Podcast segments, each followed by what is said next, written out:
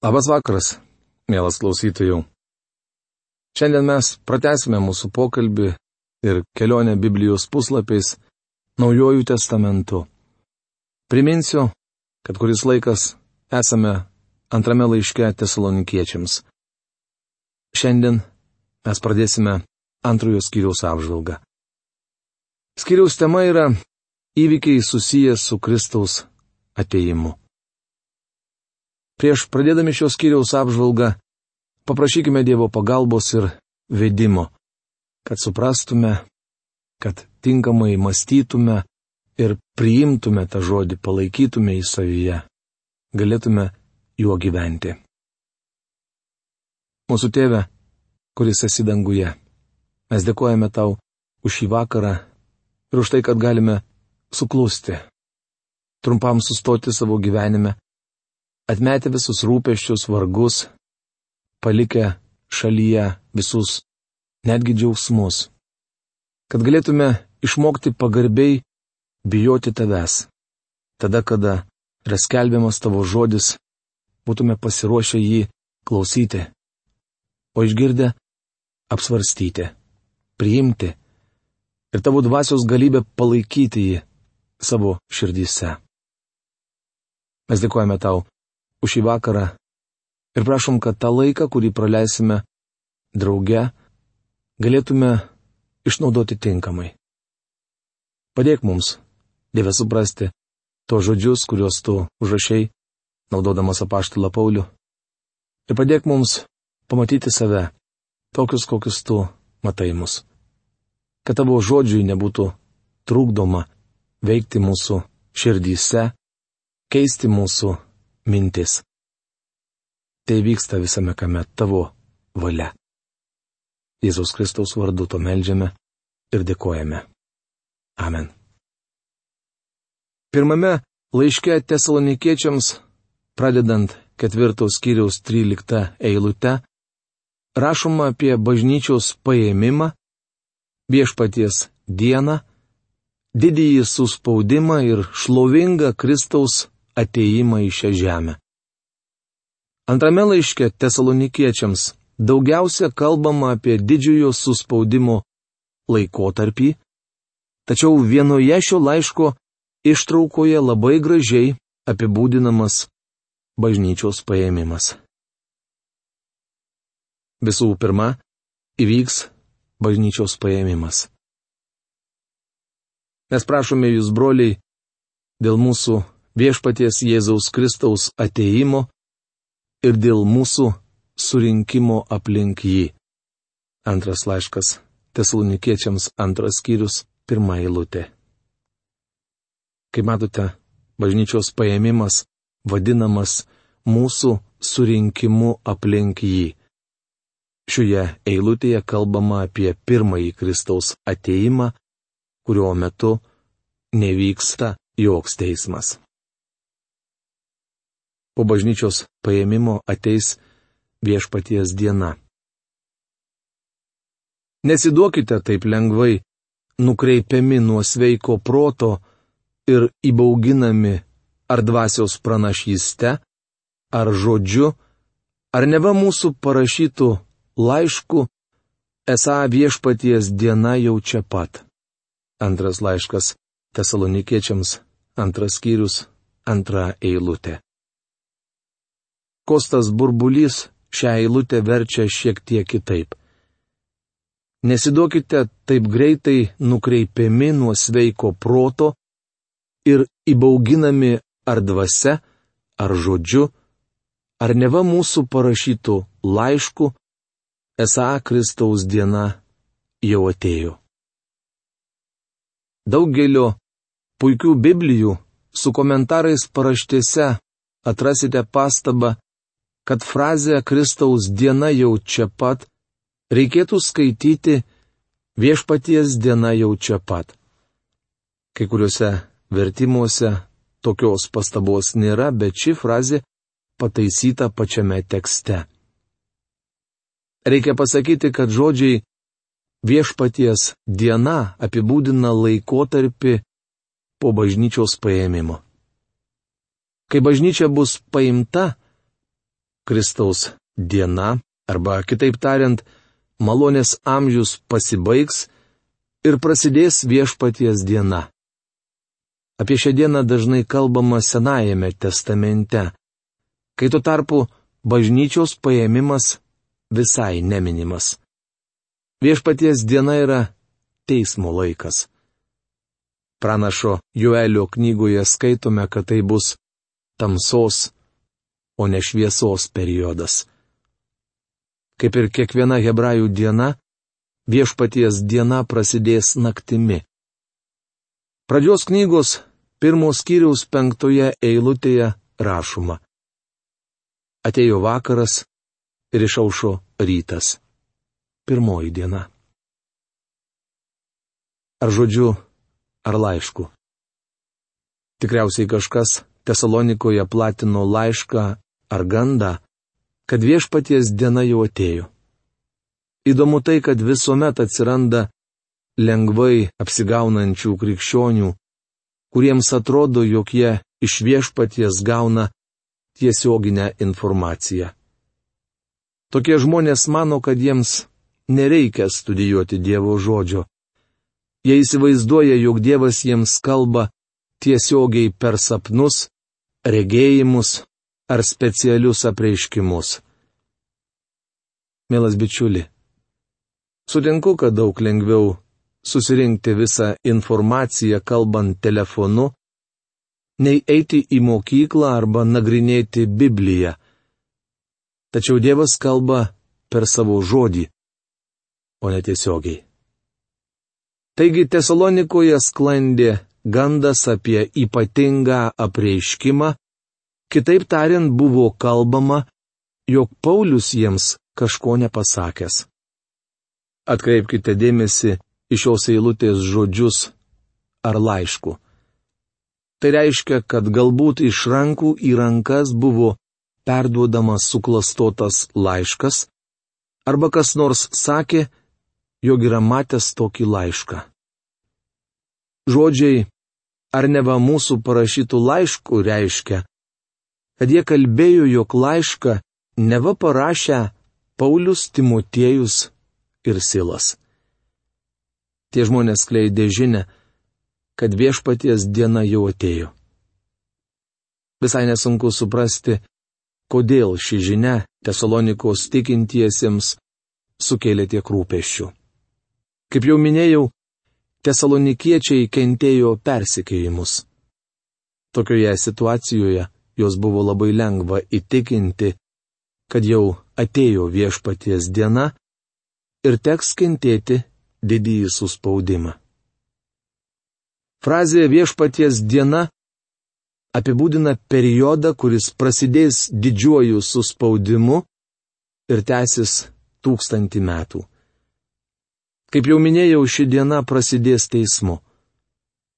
Pranašo Joelio knygos antrame skyriuje viešpaties diena aprašoma išsameu. Šios pranašo žodžius sėkminių dieną citavo apaštalas Petras.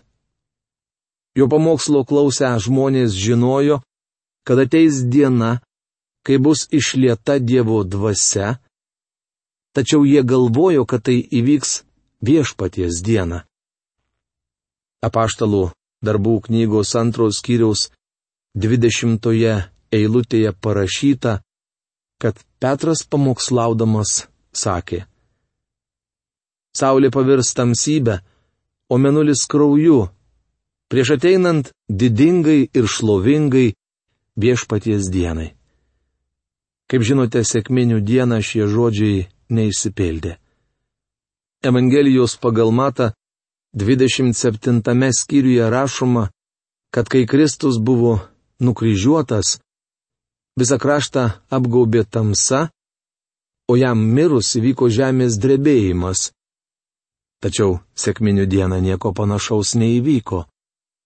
Apaštalų darbų knygos antros skyriaus antroje, trečioje eilutėse rašoma, kad sėkminių dieną iš dangaus pasigirdo užėsys, tarsi pūstų smarkus vėjas.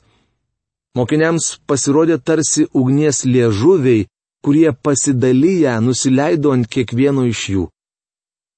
nebuvo jokio vėjo, tačiau triukšmas buvo toks stiprus, tarsi į miestą būtų atūžęs uraganas. Visi subėgo į šventyklą pažiūrėti, kas atsitiko. Petras tvirtino, jog sėkminių diena buvo panaši į tą dieną, apie kurią kalbėjo pranašas Joelis. Kreipdamasis į susirinkusiuosius, jis sakė, Manote, jog šie vyrai prisigėrė? Tikrai ne. Jie yra pilni šventosios dvasios. Tais laikais žydai ortodoksai tikėjo, jog išsipildys Joelio žodžiai. Kitaip tariant, jie tikėjo, jog ateis diena, kai Dievas išlies savo dvasios ant kiekvieno kūno. Kaip žinote, sėkminių dieną dvasia nebuvo išlieta ant kiekvieno kūno. Tai reiškia, viešpaties diena dar ateis. Antro Petro laiško trečios kiriaus dešimtoje eilutėje rašoma, jog viešpaties diena užklups lyg vagis naktį. Skaitydami pirmo laiško tesalonikiečiams penktą skyrių pabrėžėme, kad Kristus pasiimti savo bažnyčios neteis kaip vagis naktį, tačiau bažnyčia turi būdėti ir laukti jo ateimo. Kaip vagis naktį jis ateis į apsnūdusi pasaulį. Toje pačioje eilutėje Petras toliau rašo. Tuomet dangus praeis su smarkiu užėsiu, stichijos nuo karščio suirs ir žemė su savo veikalais sudegs. Kaip žinote, sėkminių dieną nieko panašaus neįvyko. Pateiksiu dar vieną šventojo rašto ištrauką patvirtinančią, jog viešpaties diena prasidės po bažnyčios paėmimo. Apreiškimo knygos šeštos kiriaus septynioliktoje eilutėje rašoma. Nes atėjo didėjų rūstybės diena ir kas galės ištverti. Tai neskirta bažnyčiai. Bažnyčia turi laukti ateinančio Kristaus nes mes esame su juo susitapatinę. Tegul niekas jūsų neapgauna kuriuo nors būdu. Pirmiau turi ateiti atkritimas ir apsireikšti nedorybė žmogus, pražūties sunus. Antras laiškas tesalonikiečiams, antras skyrius, trečia eilutė. Tegul niekas jūsų neapgauna kuriuo nors būdu. Jei nenorime būti apgauti, Paklausykime Pauliaus. Tikriausiai jums kyla klausimas, ką reiškia pirmiau. Čia rašoma, kad šie ženklai išsipildys prieš prasidedant viešpaties dienai, kai bažnyčia jau bus paimta. Viešpaties diena neteis iki to laiko, kol nebus išpildytos dvi sąlygos. Apaštalas Paulius rašo, kad pirmiau turi ateiti atkritimas ir apsireikšti nedorybė žmogus, pražūties sūnus. Šie abu dalykai turi įvykti prieš prasidedant viešpaties dienai, bet dar nei vienas iš jų neįvyko. Pirmiau turi ateiti atkritimas. Daugelis žmonių teigia, kad čia kalbama apie atsimetimą. Aš pritariu tam. Tačiau manau, jog šie žodžiai turi dar ir gilesnę prasme. Ši prasme paaiškėja atidžiau panagrinėjus graikų kalbos žodį apostasija. Jis verčiamas žodžiu atkritimas, tačiau iš tikrųjų šio žodžio šaknis reiškia išvykimas arba pašalinimas. Paulius teigia, kad prieš prasidedant viešpaties dienai turi įvykti pašalinimas. Jis bus dviejopas. Visų pirma, bažnyčia turinti gerai organizuotą struktūrą nuklys nuo tikėjimo, kitaip tariant, įvyks apostazė. Tačiau kai ateis viešpats bus visiškas atsimetimas, o tai negali įvykti tol, kol nebus paimta arba pašalinta tikroji bažnyčia. Evangelijos pagal Luką 18 skyriaus 8 eilutėje užrašytas Jėzaus klausimas. Bet ar atėjęs žmogaus sunus beras žemėje tikėjimą. Sakydamas tikėjimą, jis omenyje turi tiesos kūną, kurį čia paliko. Kaip jau minėjau, graikų kalboje šis klausimas suformuoluotas taip, kad reikalauja neigiamo atsakymo. Tai reiškia, kad sugrįžęs Jėzus tikėjimo neras, nes bus įvykę du dalykai. Pirma. Gerai organizuota struktūra turinti bažnyčia bus nutolusi nuo tikėjimo, kitaip tariant, ji bus atsimetusi. Antra, bus įvykęs kitas nutolimas, tai yra, iš žemės bus pasitraukusi tikroji bažnyčia.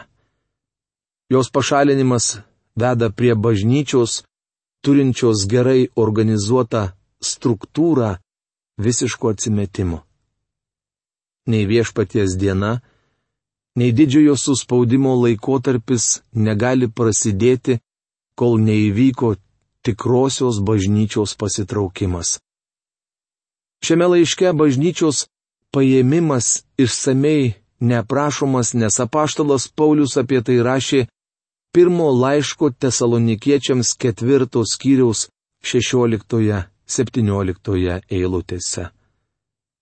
O pats viešpats, nuskambėjus paliepimui, arkangelo balsui ir Dievo trimitui, nužengs iš dangaus.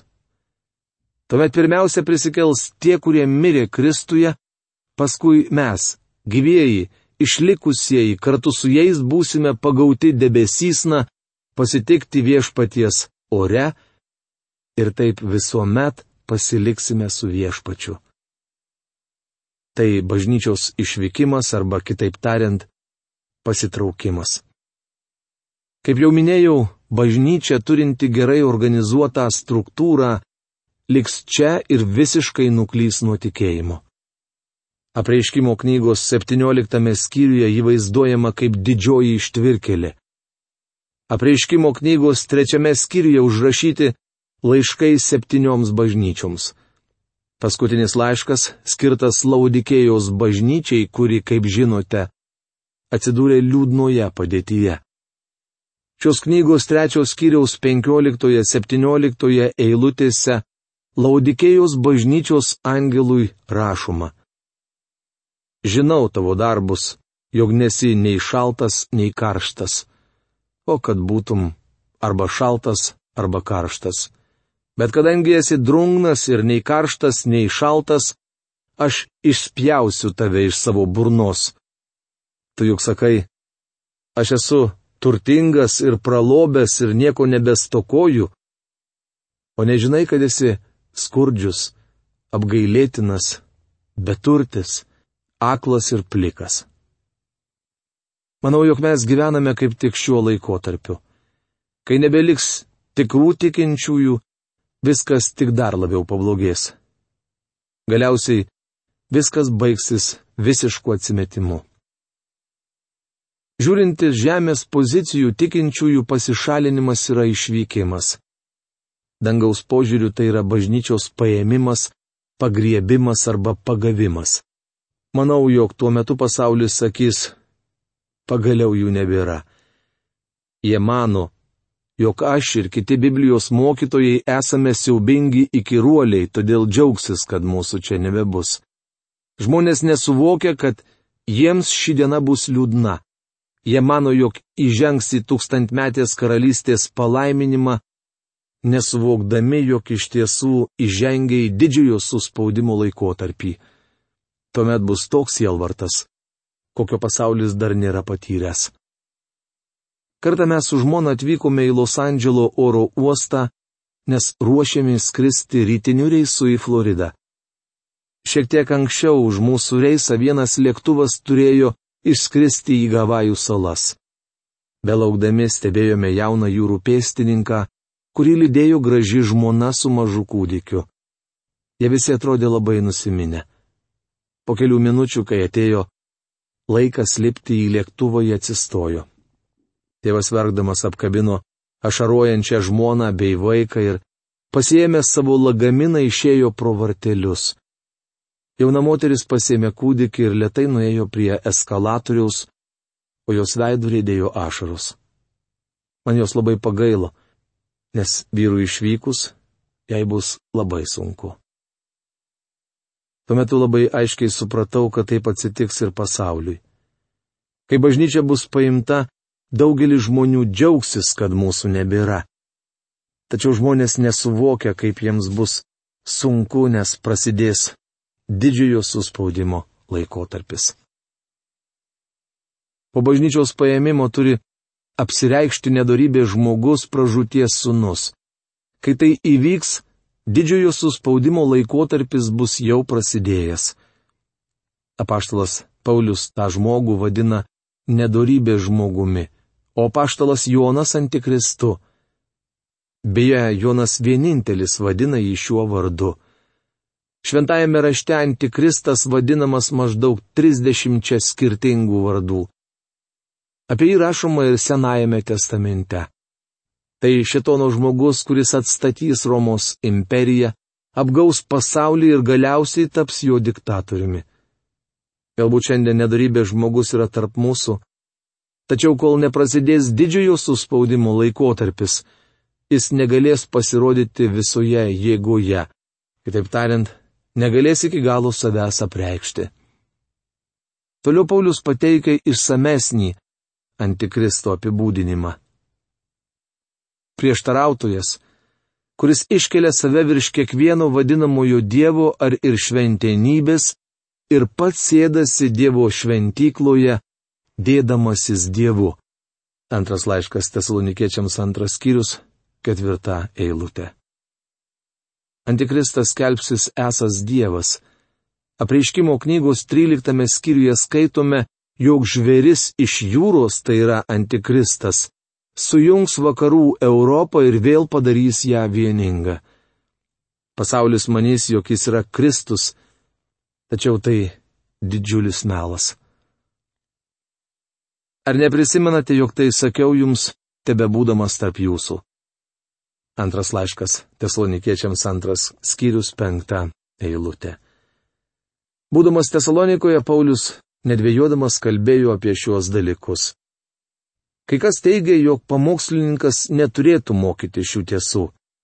Tačiau apaštalas tai darė.